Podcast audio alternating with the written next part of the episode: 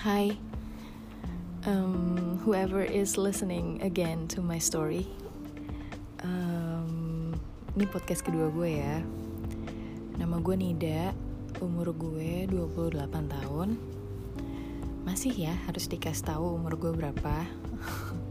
soalnya kemarin udah sebenarnya udah dikasih tahu, tapi um, nggak um, apa-apa soalnya biar ingat aja um, kalau ini adalah semua yang keluar di podcast ini keluar dari seorang perempuan berumur 28 tahun yang sudah bercerai. Jadi kalau misalnya audiensnya nggak cocok bisa di skip atau mungkin kayak misalnya gini kalau misalnya pendengarnya lebih muda jauh terus belum pernah cerai juga baru pernah punya pacaran doang atau malah belum pernah pacaran sama sekali mungkin bisa dijadiin pelajaran aja tapi kalau yang umurnya sama kayak gue mungkin atau di atas gue pernah mengalami hal yang sama kayak gue hmm, ini jatuhnya kayak sharing ya.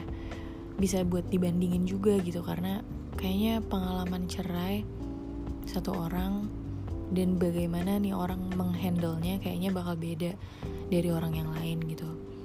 Di sini gue cerita gimana gue menghandlenya mm, dan ya you are to say whether you think it's good or not. Yang penting gue cuma pengen cerita aja sih. Mm, buat yang abis putus sama pacarnya mungkin juga bisa dengerin podcast yang ini. Intinya gue nggak tahu ini lanjutan atau apa dari podcast gue yang pertama kemarin. Tapi um, gue pengen ngasih tahu yang menurut gue adalah real challenge-nya setelah lu bercerai. Bagi gue ini real challenge, tapi bagi orang gue nggak tahu ya. Beda-beda. Hmm, apa yang lo anggap challenge, apa yang lo anggap obstacle, apa yang menurut lo susah atau gampang itu relatif ya beda-beda. Tapi menurut gue ini real challenge-nya. Jadi abis gue cerai, gue pernah dinasehatin sama bude gue bude tuh kayak kayak apa kakaknya ibu kayak kakaknya ibu loh itu bude gitu. Gue pernah dinasehatin sama dia abis gue cerai dia bilang nit hati-hati ya udah cerai udah berstatus janda hati-hati gitu. Terus gue tanya kenapa? Kata bude gue hati-hati kalau nanti tiba-tiba di tengah-tengah butuh lagi sosok laki-laki gitu. Saat itu gue mikirnya kenapa gue butuh sosok laki-laki lagi ya gitu. Karena pengalaman cerai gue ini tuh udah luar biasa banget. Udah cukup um, aduh gue nggak bisa ngejelasin terlalu banyak di sini tapi itu gila banget. Itu udah trauma banget buat gue dan kenapa juga gue harus menodai trauma gue itu dengan dengan menerima laki-laki lain atau kayak mencoba dengan laki-laki lain. Jadi pas bude gue ngomong kayak gitu gue dengan pedenya jawab ya enggak lah ngapain? Gue bilang gitu kan.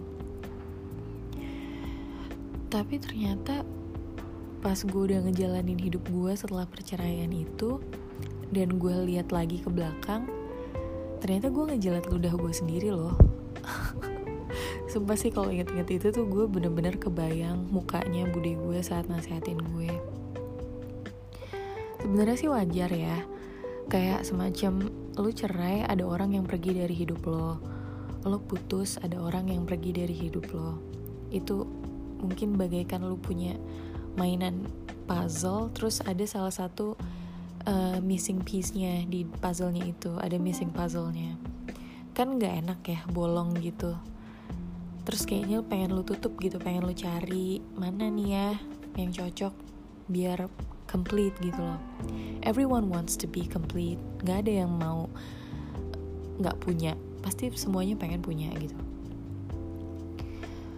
Uh, cuman karena gue dibilang sama budi gue kalau gue nggak bakalan butuh sosok pengganti dalam waktu yang cepat dan gue yakin banget gue nggak akan hmm, dalam tanda kutip bodoh lagi.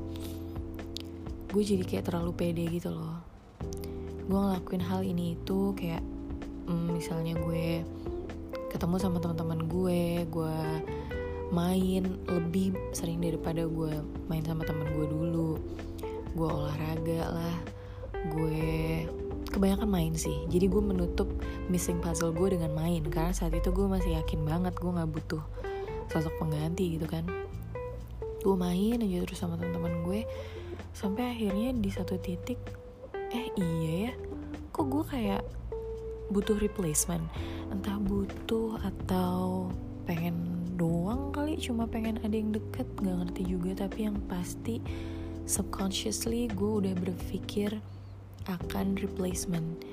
Dan I didn't know that it was pretty dangerous tapi bukan dangerous in a way that wanting a replacement puts me in danger gitu bukan. Tapi agak bahaya buat diri gue sendiri karena ternyata saat gue berpikir gue butuh replacement tuh gue lagi dalam masa rapuh-rapuhnya gitu loh tanpa gue sadari. Karena gue udah kebanyakan ketawa sama teman-teman gue kebanyakan main. Gue sampai berpikiran kayaknya gue udah fine nih gitu. Padahal sebenarnya gue masih rapuh loh gitu dan tiba-tiba gue butuh replacement. Yang terjadi setelah itu adalah um, saat ada orang yang mencoba masuk ke dalam hidup gue akhirnya gue terima. Karena di bawah alam di bawah alam bawah sadar gue ini gue udah gue udah ingin replacement gitu. Jadi gue kayak nggak mikir dua kali banget deh saat itu. Jadi ada orang yang berusaha masuk hidup gue dan gue terima hmm, ada dua orang yang gue deket setelah gue bercerai. Dua-duanya teman gue kok sampai sekarang juga. Gue nggak punya perasaan apa pun sama mereka maksudnya gue nggak ada berantem atau apa. Kita udah dewasa we ended in good terms juga. Tapi kalau mau dilihat dari substansinya gitu ya sebenarnya nih kalau gue boleh milih mungkin gue akan memilih untuk tidak dekat dengan dua orang ini gue mungkin akan lebih memilih untuk berteman dengan biasa saja gitu. Nggak usah nggak usah deket gitu nggak usah spesial gitu. Karena yang namanya dalam sebuah hubungan lu pasti sakit. Kalau misalnya lu putus gitu ya sakit bukan berarti lu diselingkuhin atau atau dia melakukan hal jahat sama lu nggak mesti selalu kayak gitu. Tapi pasti ada dalam diri lo tuh yang sakit. Dan gue ngerasa kesalahan gue adalah gue nerima mereka itu hmm, dalam porsi yang kelebihan. Misalnya idealnya dengan gue pengalaman pernah bercerai gue idealnya tuh harusnya lebih berhati-hati dan nerima orang tuh jangan banyak-banyak porsinya gitu. Misalnya harusnya gue terima 40 tapi gue malah terimanya 60 gitu atau mungkin 70% gitu loh. Dan gue baru merasakan itu setelah gue sudah tidak bersama mereka lagi gitu. Gue baru ngerasain what am I doing gitu loh. Gue kayak lihat lagi terus ih kayak bu bukan nyesal ya bukan nyesal gue menghargai kok proses yang terjadi dalam hidup gue tapi berasa aneh aja gitu. Kenapa sih gue harus pakai ngisi missing puzzle gue dengan laki-laki which is the exact same shape sama missing puzzle gue yang udah nggak ada ini gitu kan. Karena basically gue kehilangan suami jadi kalau mau diisi dengan yang persis ya harus diisi dengan laki-laki kan gitu. Kenapa sih gue harus maksain banget gitu. Terus pas gue bandingin ya uh, hidup gue saat itu saat gue masih punya teman dekat dan yang sekarang saat gue bener-bener sendiri dengan sahabat-sahabat gue cewek-cewek gue gak punya sahabat cowok ya by the way hidup gue adalah dengan cewek-cewek. Dan itu asik banget.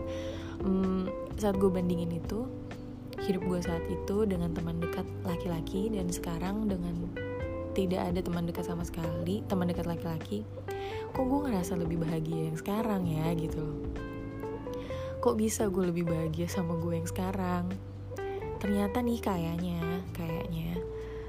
Um, gue berkesimpulan kalau sebenarnya hal-hal receh yang lo lakuin sehari-hari kayak nonton TV series kesukaan gue nonton film main sama anak main sama ortu jalan-jalan sama ortu gue terus ketemu sama sahabat ketawa-ketawa kerja gila gue suka banget sama kerjaan gue. Gue suka banget ketemu sama murid-murid baru orang-orang baru itu kerjaan gue. Ternyata semua hal-hal tersebut tuh bisa kok lu bentuk mirip sama missing puzzle lo. Nggak menyerupai persis pastinya.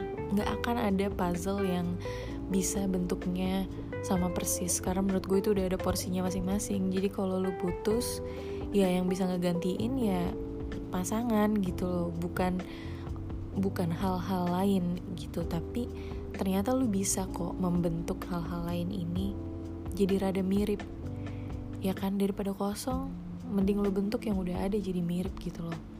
Karena sumpah sih bisa dibilang stage gue yang paling bahagia adalah sekarang. Sekarang banget nih. Ini bulan apa nih? Ini bulan Juni abis lebaran.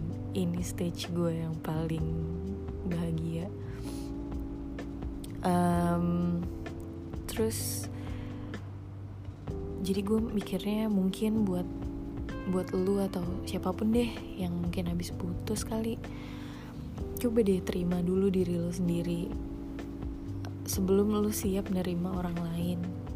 Tapi sumpah itu penting sih. Pernah nggak lo uh, ngalamin ya entah lo atau temen lo abis putus susah move on terus dikasih saran kayak gini udahlah santai aja. Ntar juga kalau ada gantinya lupa. Ganti right? Replacement.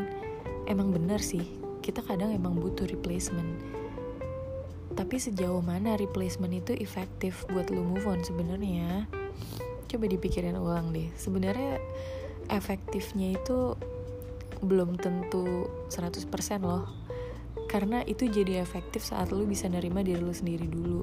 Lu bisa nerima hidup lu dulu kalau kayak gue kemarin lagi vulnerable vulnerablenya gitu ya lagi rapuh-rapuhnya terus lo sok-sokan ingin ada replacement jatuhnya jadi kurang baik. Tapi by the way teman deket gue cowok dua ini orangnya baik-baik kok. Asli kita sekarang jadi teman santai aja. Uh, tuh gue jadi inget gue disuruh baca novel sama teman gue uh, ada teman gue teman kerja gue dia nyuruh gue baca novel ini judulnya The Pieces Pieces uh, bintang gitu ya. The Pieces ini cerita fiksi sih tapi emang cerita utamanya itu tentang abis putus. Bisa aja tuh emang temen gue nyuruh gue baca ini. Dan as always tiap lu baca novel mau itu fiksi mau itu sebenarnya bukan novel yang bestseller banget tapi lu pasti suka nemuin sesuatu yang bermanfaat dalam novel ini deh ini kayak ini nih nih bentar-bentar ya gue cariin. Um, nah. Ini si writernya nulis. Um, dia bilang gini you had to never get attached to any other person or expect anything good to come to you. And that was how you fell in love with life and how maybe certain fun and good things could happen to you. They only happened as long as you didn't need anything from anyone. Um, as long as you didn't take anything from anyone or give any part of yourself away to another person, good things could happen. Dan gue entah kenapa setuju banget sama ini. Coba gue translate dikit kali ya. Jadi si writernya bilang jangan pernah lo terlalu nempel sama orang, terlalu terlalu gimana sih terlalu hmm, nempel tuh kayak ya apa apa dia apa apa dia gitu. Nggak boleh sih menurut si novel ini gitu ya. Dan lu jangan ngarep sesuatu yang baik datang dalam hidup lo. Nggak usah ngarep santai aja karena dengan begitu justru malah hal-hal baik bisa datang kepada lu ke dalam hidup lo. Hal itu bisa semua terjadi kalau lo nggak butuh apa pun dari seseorang. Jadi intinya lo harus puas sama diri lo sendiri gitu loh. Kayak harus nerima diri lo sendiri self acceptance yang tadi gue bilang. Selama lo nggak ngambil apa pun dari orang lain atau memberikan bagian dari diri lo apa pun ke orang lain hal yang baik bisa terjadi. Memberikan bagian dari diri lo ke orang lain itu sama aja seperti lo nerima cowok masuk ke dalam hidup lo sebenarnya. Jangan terlalu banyak deh memberikan porsi lo untuk orang lain apalagi kalau lo lagi nggak siap kalau udah siap sih silahkan kok gitu. Jadi intinya adalah self acceptance terima dulu diri lo siapin dulu. Coba deh be happy with yourself first. Lihat lagi deh hal-hal receh yang lo lakuin tiap hari. Siapa tahu itu bisa bikin bahagia lo dan bisa. Karena gue ngalamin itu. Gue seneng banget sekarang. Insya Allah gue bisa senang dengan apa yang gue lakuin sehari-harinya hmm, gue tidak menutup diri dari orang lain tapi gue sekarang baru ngerti baru banget gue ngerti esensinya berhati-hati sama replacement baru ngerti banget. Appreciate yourself more than before. Seriously I mean it. Um, aduh lo rasain sendiri deh. Oke gitu aja. Uh, mudah-mudahan bermanfaat lagi. Hmm, itu kata Nida nggak tahu kalau kata yang lain. thank you